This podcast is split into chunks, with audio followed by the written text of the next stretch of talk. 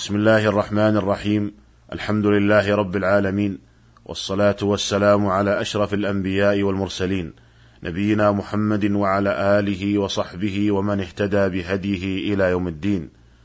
أيها الإخوة المستمعون السلام عليكم ورحمة الله وبركاته. لا يزال الحديث موصولا عن أحكام صلاة الجمعة وأتحدث معكم في هذه الحلقة عن شروط صحتها. وأبتدئ بالحديث عن الشرط الأول وهو الوقت. فلا تصح قبل دخول وقتها ولا تصح بعد خروج وقتها. وشرط الوقت هو آكد شروط الصلاة سواء في صلاة الجمعة أو في غيرها من الصلوات. ولهذا إذا دخل الوقت يصلي المسلم على حسب حاله ولو ترك ما لا يقدر عليه من الشروط والأركان. فلو دخل الوقت على الإنسان وليس عنده ماء ولا تراب أو لا يستطيع أن يتطهر أو لا يستطيع القيام أو لا يستطيع التوجه إلى القبلة صلى على حسب حاله ولا يترك الصلاة حتى يخرج وقتها. ونعود بعد ذلك للحديث عن وقت صلاة الجمعة. وقد اتفق العلماء على أن آخره هو آخر وقت صلاة الظهر. وذلك إذا كان ظل الشيء كطوله بعد ظل الزوال. وأما أول وقت صلاة الجمعة فقد اختلف العلماء فيه على ثلاثة أقوال. القول الأول أنه من أول وقت صلاة العيد وهو من بعد طلوع الشمس وارتفاعها قيد رمح أي بعد طلوع الشمس بحوالي عشر دقائق. وهذا القول هو المشهور من مذهب الحنابلة وهو من المفردات. القول الثاني أنها تصح في الساعة السادسة قبل الزوال بساعة. وهذا القول رواية عن أحمد اختارها الخراقي والموفق بن قدامة.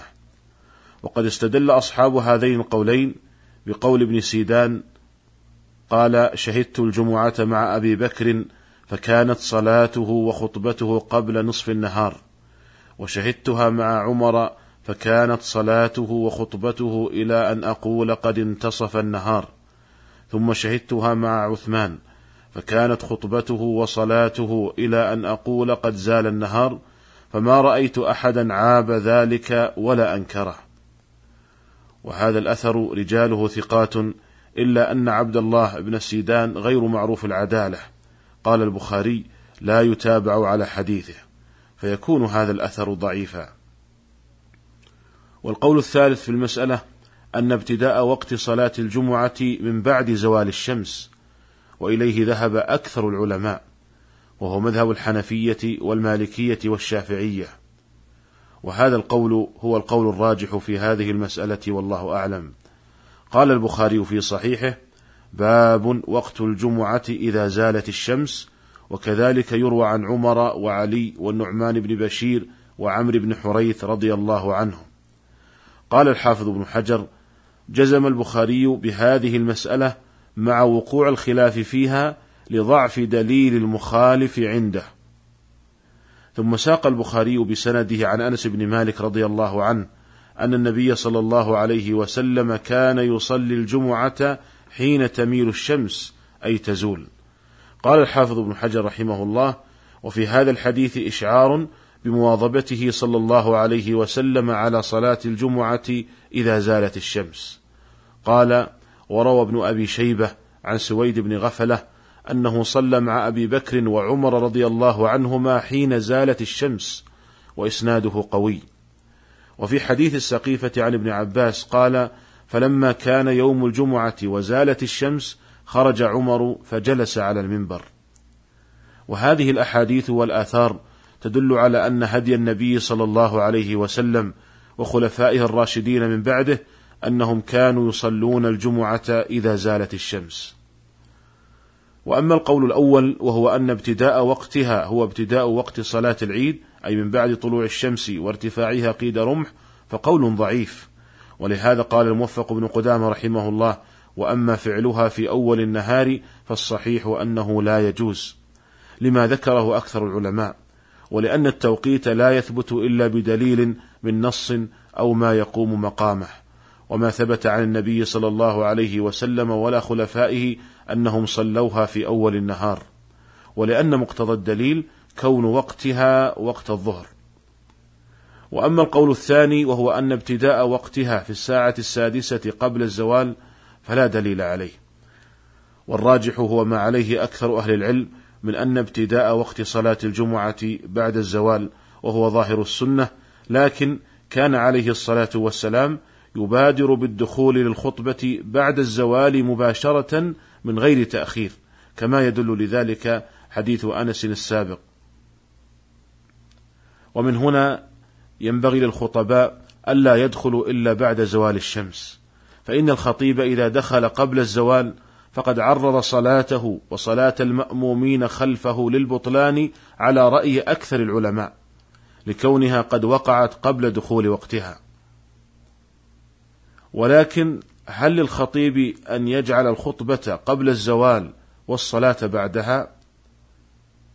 على رأي جماهير أهل العلم ليس له ذلك لأن الخطبة جزء من صلاة الجمعة ولهذا سماها الله تعالى هي والصلاة ذكر الله فقال يا أيها الذين آمنوا إذا نودي للصلاة من يوم الجمعة فاسعوا إلى ذكر الله وذروا البيع. وذكر الله في الآية يشمل الخطبة والصلاة. قال بعض الفقهاء إنما كانت صلاة الجمعة ركعتين لأن خطبتي الجمعة تقوم عن ركعتين. قال في الإنصاف هاتان الخطبتان بدل عن ركعتين. الشرط الثاني من شروط صحة الجمعة حضور العدد المعتبر شرعا. وقد اختلف فيه فقيل أربعون رجلا وقيل خمسون وقيل اثنا عشر وقيل أربعة رجال وقيل ثلاثة رجال. وهذا القول الأخير هو الأقرب في هذه المسألة والله أعلم وهو اختيار شيخ الإسلام ابن تيمية رحمه الله تعالى. ويدل له قول الله تعالى يا أيها الذين آمنوا إذا نودي للصلاة من يوم الجمعة فاسعوا إلى ذكر الله بصيغة الجمع وأقل الجمع ثلاثة فيكون اثنان يستمعان والثالث يخطب. ويدل لذلك أيضا حديث أبي الدرداء رضي الله عنه أن النبي صلى الله عليه وسلم قال ما من ثلاثة في قرية لا تقام فيهم الصلاة إلا استحوذ عليهم الشيطان. أخرجه أبو داود والنسائي وأحمد وابن خزيمة وابن حبان بسند حسن. ولفظ الصلاة في هذا الحديث عام فيشمل الجمعة وغيرها. وأما الأقوال الأخرى فأدلتها إما صحيحة غير صريحة وإما صريحة غير صحيحة والله تعالى أعلم. الشرط الثالث من شروط صحة الجمعة أن يكونوا بقرية مستوطنين. والقرية إذا أطلقت في اللغة العربية فإنها تشمل المدينة والمصر. ولهذا سمى الله تعالى مكة بأم القرى. وقال عز وجل واضرب لهم مثلا أصحاب القرية إذ جاءها المرسلون وفي آخر الآيات قال وجاء من أقصى المدينة رجل يسعى فسماها الله تعالى قرية ومدينة. قال الموفق بن قدامة رحمه الله الاستيطان شرط لصحة الجمعة في قول أكثر أهل العلم وهو الإقامة في قرية مبنية بما جرت العادة بالبناء به فلا يضعنون عنها صيفا ولا شتاء. فأما أهل الخيام وبيوت الشعر فلا تجب عليهم الجمعة ولا تصح منهم لأن ذلك لا ينصب للاستيطان غالبا. وقد كانت قبائل العرب حول المدينة فلم يقيموا الجمعة ولم يأمرهم النبي صلى الله عليه وسلم بإقامتها. قال لكن إذا كانوا مقيمين بموضع يسمعون النداء لزمهم السعي إليها. ويجوز إقامة الجمعة في الأبنية المتفرقة إذا شملها اسم واحد إذا كان تفرقا قد جرت به العادة. أما إذا كان تفرقا لم تجر به العادة لم تجب عليهم الجمعة. وبناء على هذا الشرط فإن المسافر ليس له أن يقيم الجمعة في السفر ولكن إذا صلى الجمعة خلف المستوطن صحت منه. وهكذا أهل البوادي ليس لهم أن يقيموا الجمعة. والمقصود بالبوادي هنا من يقيم في البرية ولا يستقر في مكان واحد بل يتتبع العشب والكلأ. أما إذا كانوا مقيمين في قرية إقامة دائمة لا يرتحلون صيفا ولا شتاء فإن هؤلاء مستوطنون يجب عليهم إقامة الجمعة إذا تحققت الشروط الأخرى. وبناء على هذا الشرط كذلك لو أن جماعة خرجوا بعيدا عن البلد لنزهة مثلا وأقاموا أياما فليس لهم إقامة الجمعة لكونهم غير مستوطنين وإنما يصلونها ظهرا.